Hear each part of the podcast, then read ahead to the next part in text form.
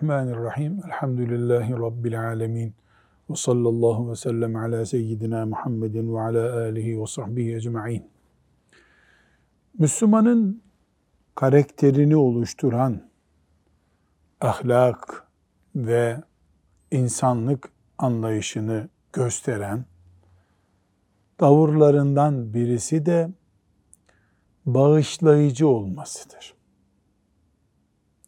İnsanların cahilliklerini bilmiyor olmalarını affedici olmasıdır.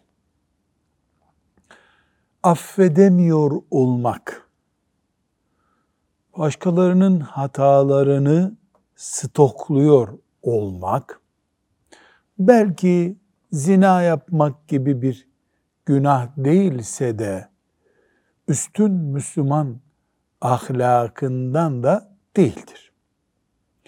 Kur'an-ı Kerimimiz hataları affetmemizi emrediyor. Cahillere ayak uydurmamamızı emrediyor. Bir baba çocuğuna karşı cahildir, hayatı tanımıyor, yapabilir deyip affetmelidir.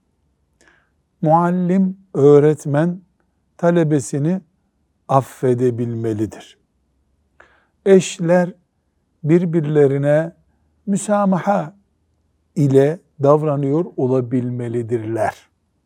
Müslüman ahlakı gereği.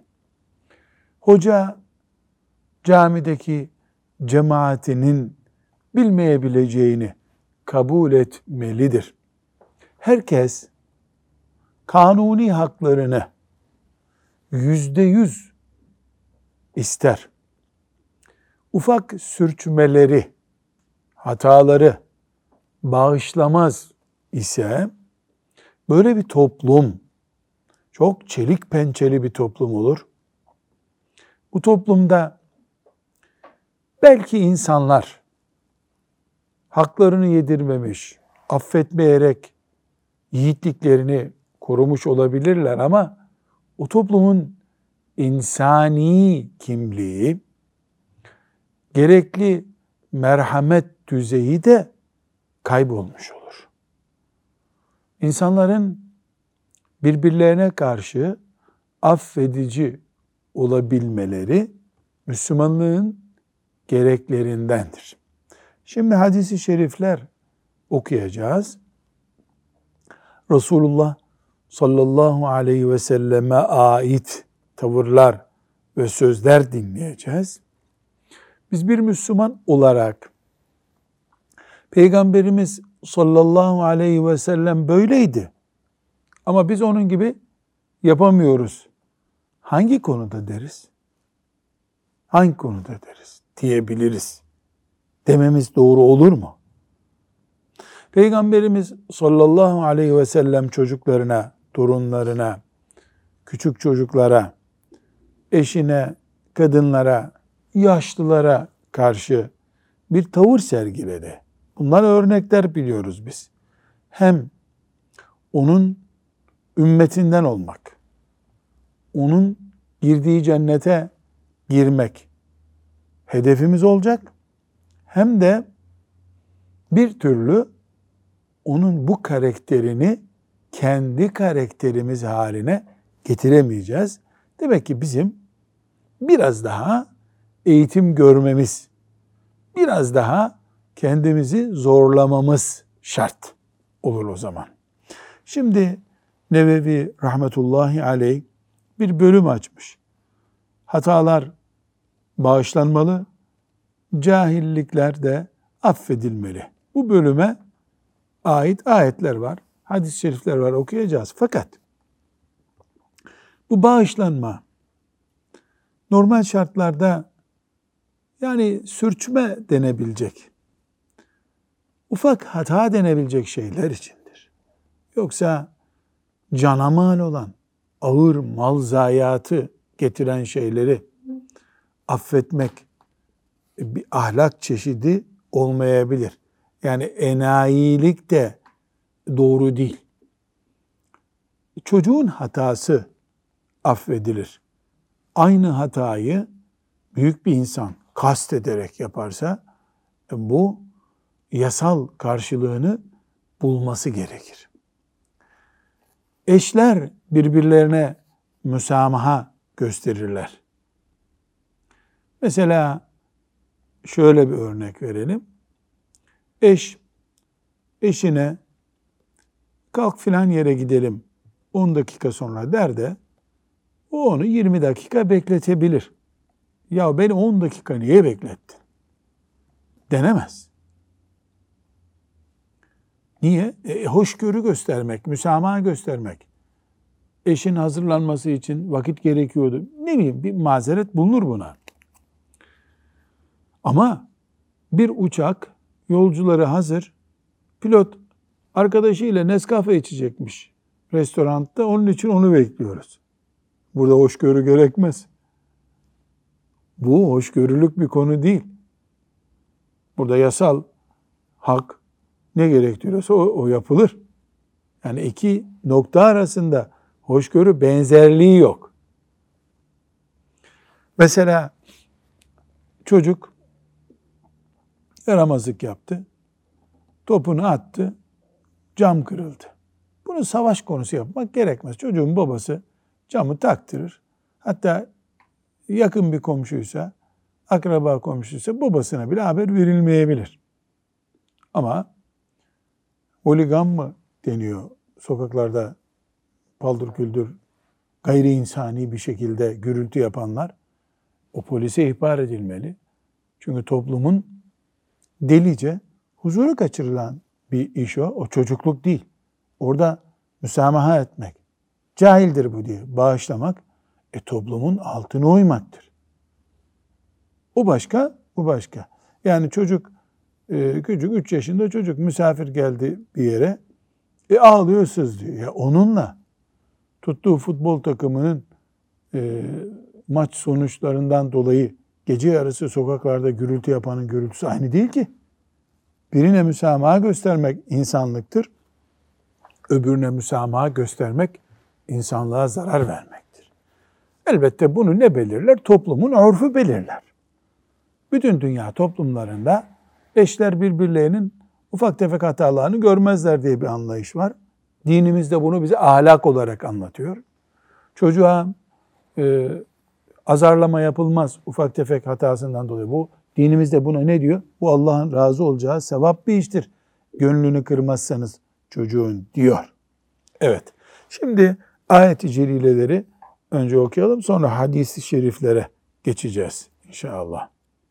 Sen af yolunu tut, iyiliği emret ve kendini bilmezlere aldırma. Allah'ın emri Araf suresi 199. ayet tekrar söyle. Sen af yolunu tut. Sen af yolunu tut. Yani senin tuttuğun yol af yolu olsun. İyiliği emret ve kendini bilmezlere aldırma.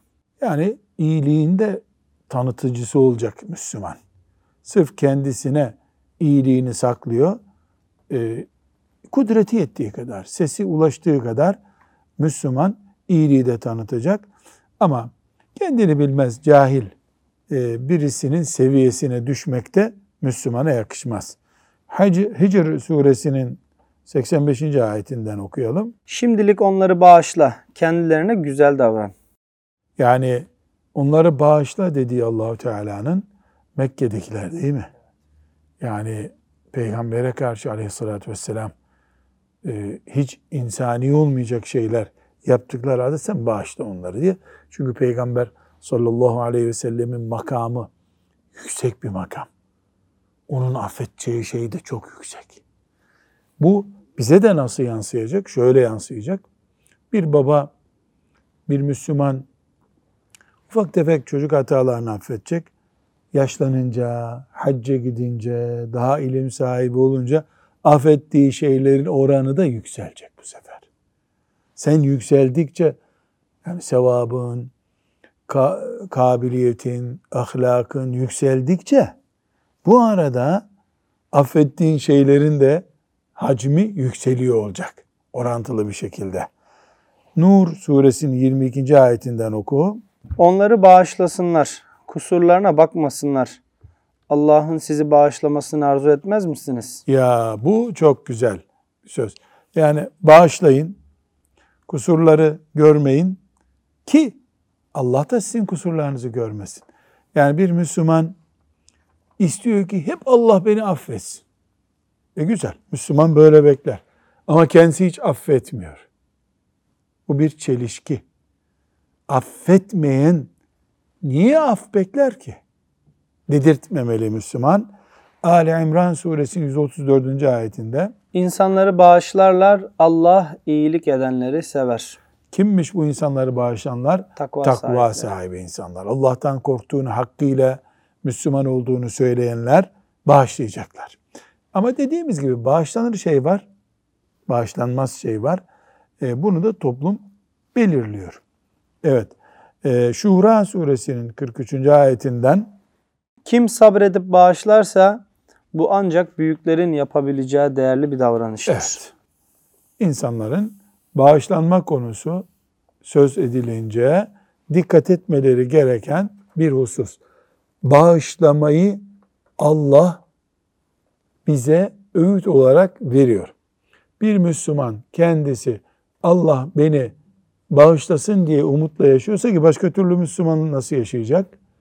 E, o zaman o Müslüman da çocuğunu, torununu, kızını, oğlunu, komşusunu, akrabasını, damadını, gelinini, kayınpederini, kaynanasını, dünürünü vesaire komşusunu bağışlamasını bilecek. Tekrar vurguluyoruz. Enayilik olan bağışlama yok. Yani bir adam görüyor ki 5 senedir benim yanımda bu işçi çalışıyor. Her ay maaşı kadar da çalıyor. Böyle bir bağışlamaya gerek yok.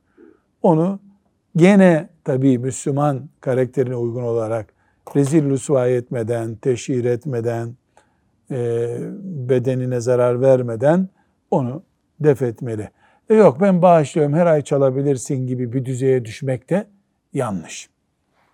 Şimdi 644. hadisi şerife geldik. Üçüncü cildin de son hadisi şeriflerini okuyoruz değil mi? Üçüncü cildi okuyoruz. Bu hadisi şerifte Ayşe anamız radıyallahu anhanın bir hatırasını dinliyoruz. Ee, hatıra Resulullah sallallahu aleyhi ve sellem e, kendisine zor gelen gün hangisidir diye e, insanlarla olan ilişkisinde bir soruya cevap veriyor. Ayşe anamız da radıyallahu anha bu sorunun cevabını bize taşıyor. Şimdi hadis-i şerifi dinleyelim. Ee, ara ara izahat yaparız Hafız Salih. 644. hadis-i şerifi okuyalım. Ayşe radıyallahu anhadan rivayet edildiğine göre bir gün Peygamber aleyhisselama Uhud gazvesinin yapıldığı günden daha zor bir gün yaşadın mı diye sordu. Eşi Ayşe anamız Efendimiz sallallahu aleyhi ve sellem'e soruyor. Uhud gazvesinden daha zor bir gün yaşadın mı? Niye o gün zor? E 70'ten fazla sahabi şehit oldu. Efendimiz sallallahu aleyhi ve sellem yara aldı. Yani İslam böyle hani günlük lisanla söyleyecek olsak geldi gitti. Hayatla ölüm arasında geldi gitti İslam.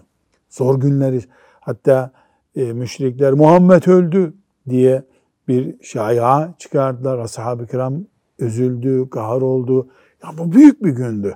Yıllar sonra Ayşe anamız e, o günden daha zor bir günün var mıydı diye soruyor. Resul-i Ekrem sallallahu, Sallallahu aleyhi ve sellem şöyle cevap verdi.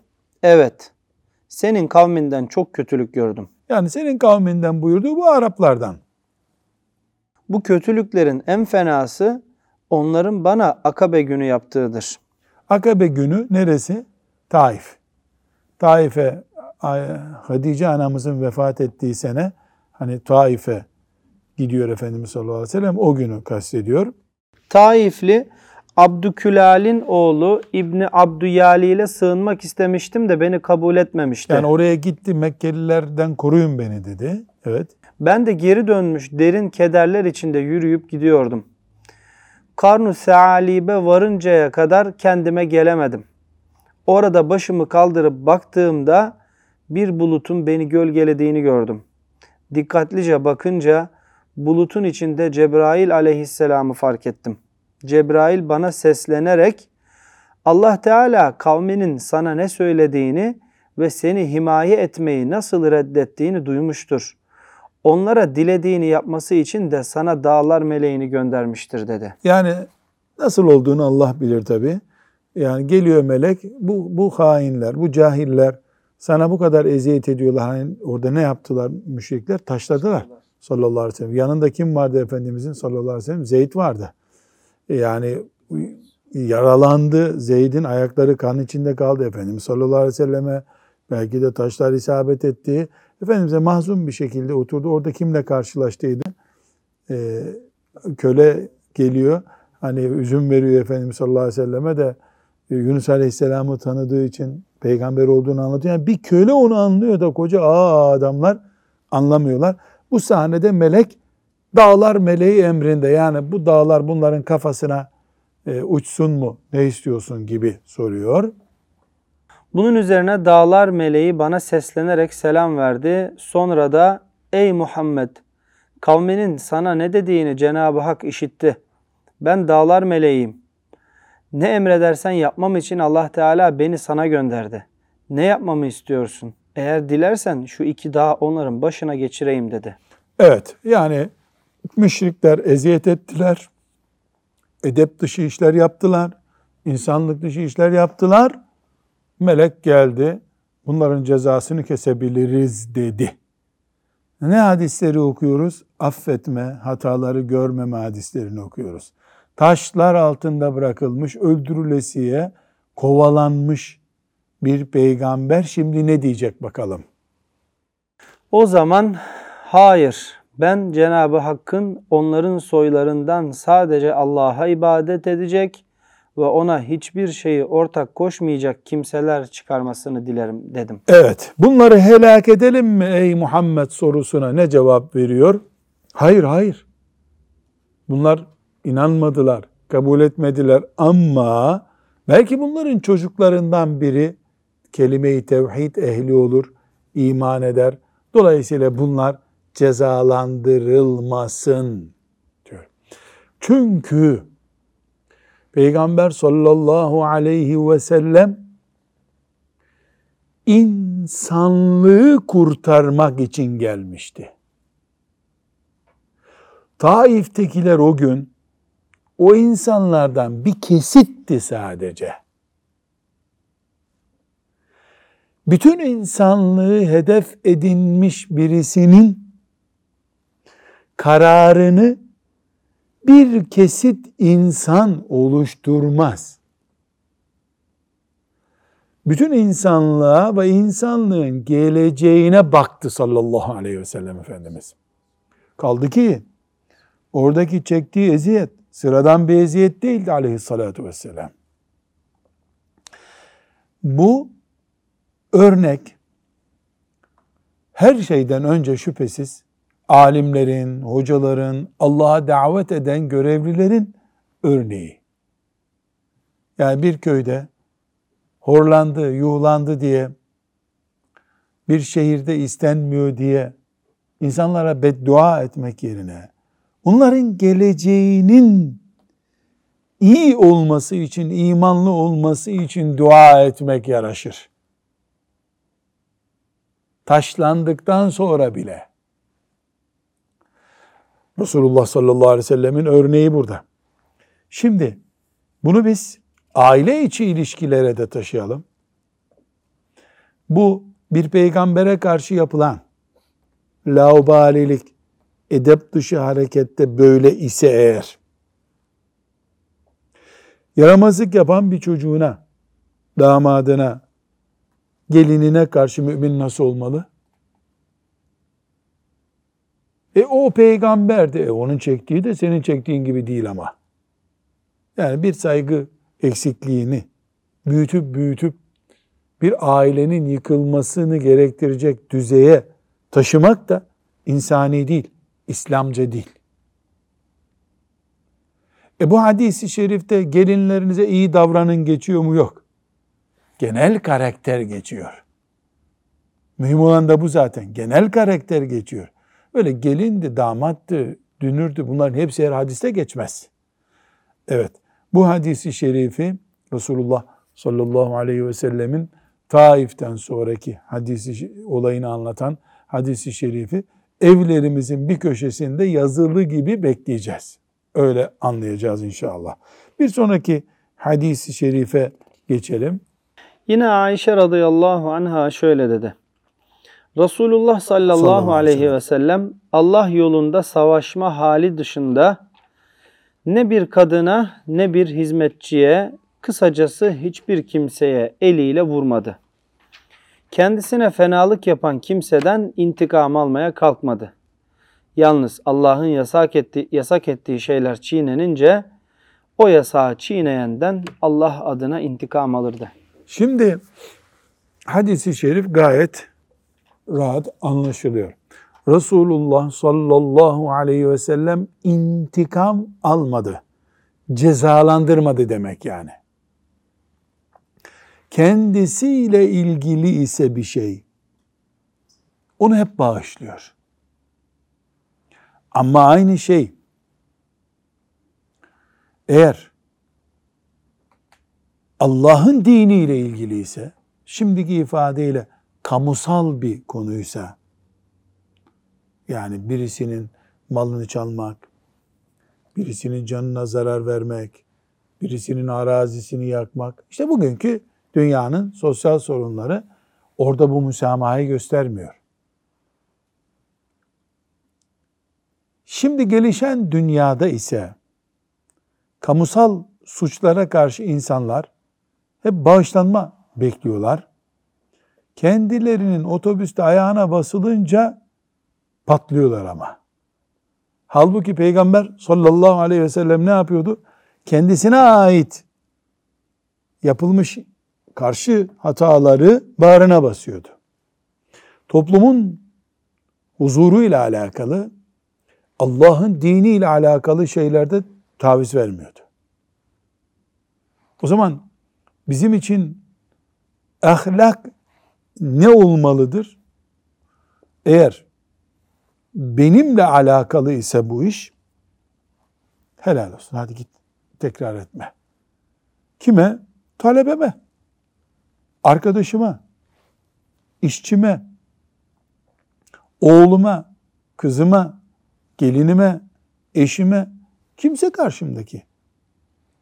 Ama toplumun ve Allah'ın dininin zarar göreceği yerde e ben Allah'ın dinine ait bir şeyi değiştirme hakkına sahip değilim.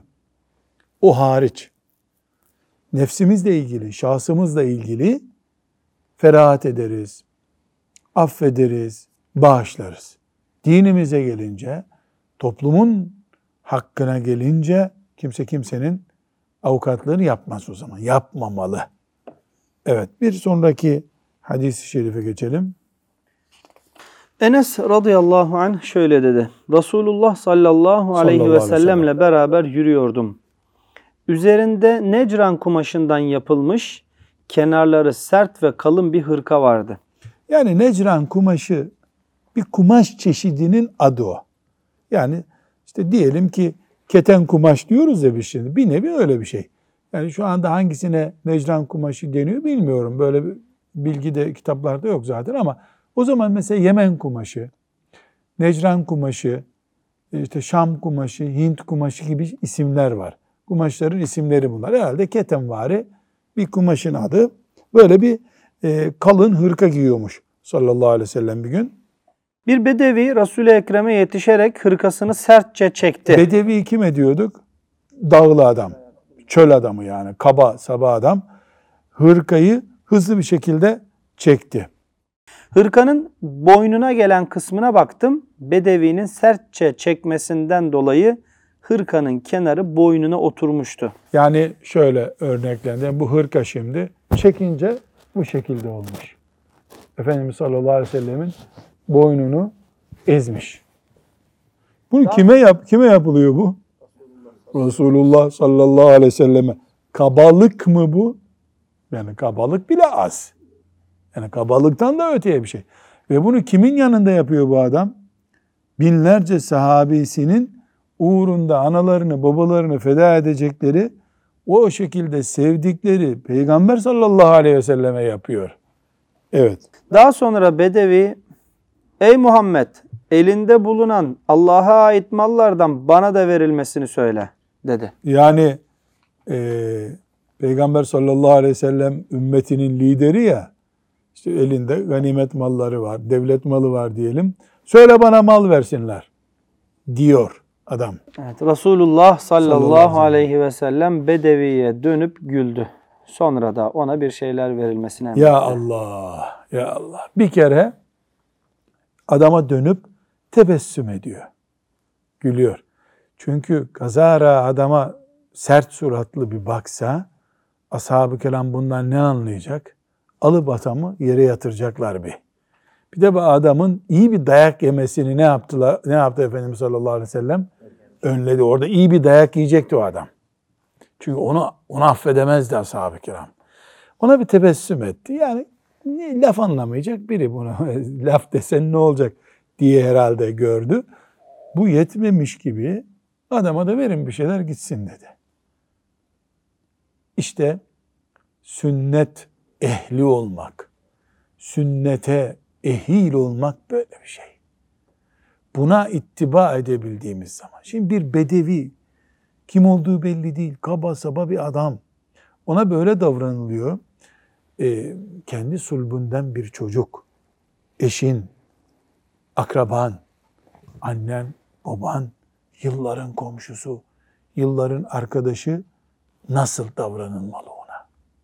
Ama çok e, kabaydı. E, bu da kabaydı. Bedevi de kabaydı. Demek ki Müslümanın yani deyim yerindeyse böyle anlarda ahlakı devreye girecek, freni tutacak diyoruz ya. Böyle anlarda sen farklı bir Müslüman olacaksın. Böyle anlarda senin Resulullah sallallahu aleyhi ve sellemin terbiyesinden istifade ettiğin görülecek. Her şey yatıştı. Durum düzeltildi. Geldi özür diledi. E ondan sonra sen e mecbur kaldın zaten. Yani mecbur bağışlayacaksın. Yapacak başka bir şey yok. Müslüman en kritik anda bile ahlakını devreye geçirebilen insandır. Böyle olmalıdır. Şimdi burada e, Hafız Salih, şimdi biz bu hadis-i şerifleri okuyoruz da e, şunu da e, hatırlamakta fayda var. Gençler zannederler ki bu anlattığımız güzel ahlak böyle sabahleyin ayetel kürsüyü okuyorsun, avucuna üflüyorsun, yüzüne sürüyorsun. O günden itibaren de hep böyle oluyorsun. Böyle bir şey duyduk mu hiç? Yok. Yok. 40 yaşındaki bir insan 10 yaşında namaza başladığını düşünelim. Kaç senedir namaz kılıyor? 30. 40. sene kıldığı yani 40. yaşında kıldığı 30 senelik namazdan sonra namaz eğitimi ve namaz imtihanı bitti. Artık diploma aldın deniyor mu? 60 yaşına gelince 70 80 sene namaz kılsa e o kadar namaz nereye gitti? Önceki namazlar gelecekteki Her yaşadığımız günün arasında. beş namazı var çünkü. Değil mi? E, Allah her yaşadığımız günün namazını istiyor. Ahlak da böyle bir şey. Dün sinirlenmemiştim. Bugün sinirlen. Yoksa ben iyi adamdım. Dün sinirlendim. Böyle bir şey denemez. Her gün beş defa namaz eğitimi aldığın gibi, dünkü namaz bugüne sayılmadığı gibi, ahlakı da emreden, namaz emreden Allah değil mi Celle Celaluhu? Sert davranma, bağışla sen, boş ver diyen Allah değil mi? Fasfah, safhal cemil. Güzel güzel gönder gitsin diyen Allahu Teala değil mi? E bunu namazı her gün ezan okuttuğu gibi müezzine her gün şeytan karşına böyle bir şey getirecek ve sen her gün bir namaz kılıp o günün borcunu ödediğin gibi her karşına çıkan olayda da ahlakını devreye sokacaksın. Şeriat bu. Şeriat ehli olmak bu. Resulullah sallallahu aleyhi ve sellemin izini sürebilmek mücadelesi böyle bir mücadele. Evet. Bir sonraki hadisi şerife geçelim. Abdullah İbni Mes'ud radıyallahu anh şöyle dedi. Resulullah sallallahu aleyhi ve sellemin peygamberlerden birinin halini anlatışı hala gözümün önündedir. Yani Abdullah ibn Mesud bir sahabi radıyallahu anh. O Resulullah sallallahu aleyhi ve sellemin önceki peygamberlerden birini anlattığını hatırlıyor. Öyle güzel dinlemiş ki onu hala gözümün önünde. Sanki o Abdullah ibn Mesud oradaymış gibi. Efendimiz sallallahu aleyhi ve sellem o kadar güzel tarif etmiş ki önceki bir peygamberlerin bir hatırasını Abdullah ibn Mesud da film seyrediyor gibi ya da oradaymış gibi anlamış bunu. O peygamberi kavmi dövüp kanlar içinde bırakmışlar. Peygamberi dövmüşler. Peygamber dayak yediği için sopalarla vurdukları için belki kanlar içinde kalmış. O bu haldeyken bile yüzündeki kanları silerken şöyle diyordu. Yüzündeki kanları siliyor. Allah'ım kavmimi bağışla. Çünkü onlar doğruyu bilmiyorlar. Allah Allah. Onlar onu taşlıyorlar, dövüyorlar. O onlar cahil. Bilmiyorlar ya Rabbi sen bunları affet diye dua ediyor. Efendimiz sallallahu aleyhi ve sellem bunu bize niye anlatıyor? Abdullah bin Mesud'a niye anlattı? Peygamberlik böyle bir şey.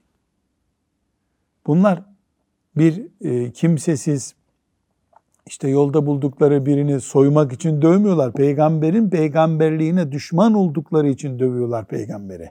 Yüzünü gözünü kan içinde bırakmak deniyor ya kan içinde bırakıyorlar. O ise bunlar cahil ya Rabbi bunlar sen mağfiret et diyor. Peygamberlerle dirilmek isteyen baba böyle olacak. Anne böyle olacak. Komşu böyle olacak. Muallim böyle olacak. E beddua etmek haram mı? Evet Salih Hoca soru. Beddua etmek haram mı? Değil. Beddua etmek haram değil. Mahkemeye verip hakkını almak haram mı? Değil. Haklıysan alırsın karşılığını. Ama sevaba ihtiyacın var. Allah'ın razı olmasını istemiyor musun senden? Allah'ın razı olması için senin bu karakteri taşıman lazım. Sadaka vermek gibi bir şey bu. Yani mecbur mu sadaka vermek? Sadaka vermeyen cehenneme mi giriyor? Hayır, hayır. Sadaka vermek mecbur değil. Cennete ihtiyacın varsa sadaka veriyorsun. Affetmek de sadaka vermek gibi. Hatta bazen sadakadan daha iyi. Mesela bir yıkılmış, perişan olmuş aileyi geri doğru filmi saydığımız zaman değil mi? Böyle Salih Hoca geliyor bazı aile konuları. Geri doğru geliyor, geliyor, geliyor, geliyor, geliyor. Tıkandığı yere bir bakıyorsun. Tamam canım önemli değil deseymiş karısı. Bu iş bitmiş, bu hale gelmeyecekmiş. Yahut da kocası çok önemli değil ya boş ver bunlar değmez konuşmaya deseymiş. ikisi de kurtulacaklarmış şimdi. Yıllar önce onu şeytan almış bir tohum olarak bir kenara koymuş. Bunlar da o tohumu sulamışlar, sulamışlar, sulamışlar. Koca bir zakkum ağacı çıkmış ortaya bu sefer. Hayatın her tarafında geçerli bu ama. Her tarafında geçerli.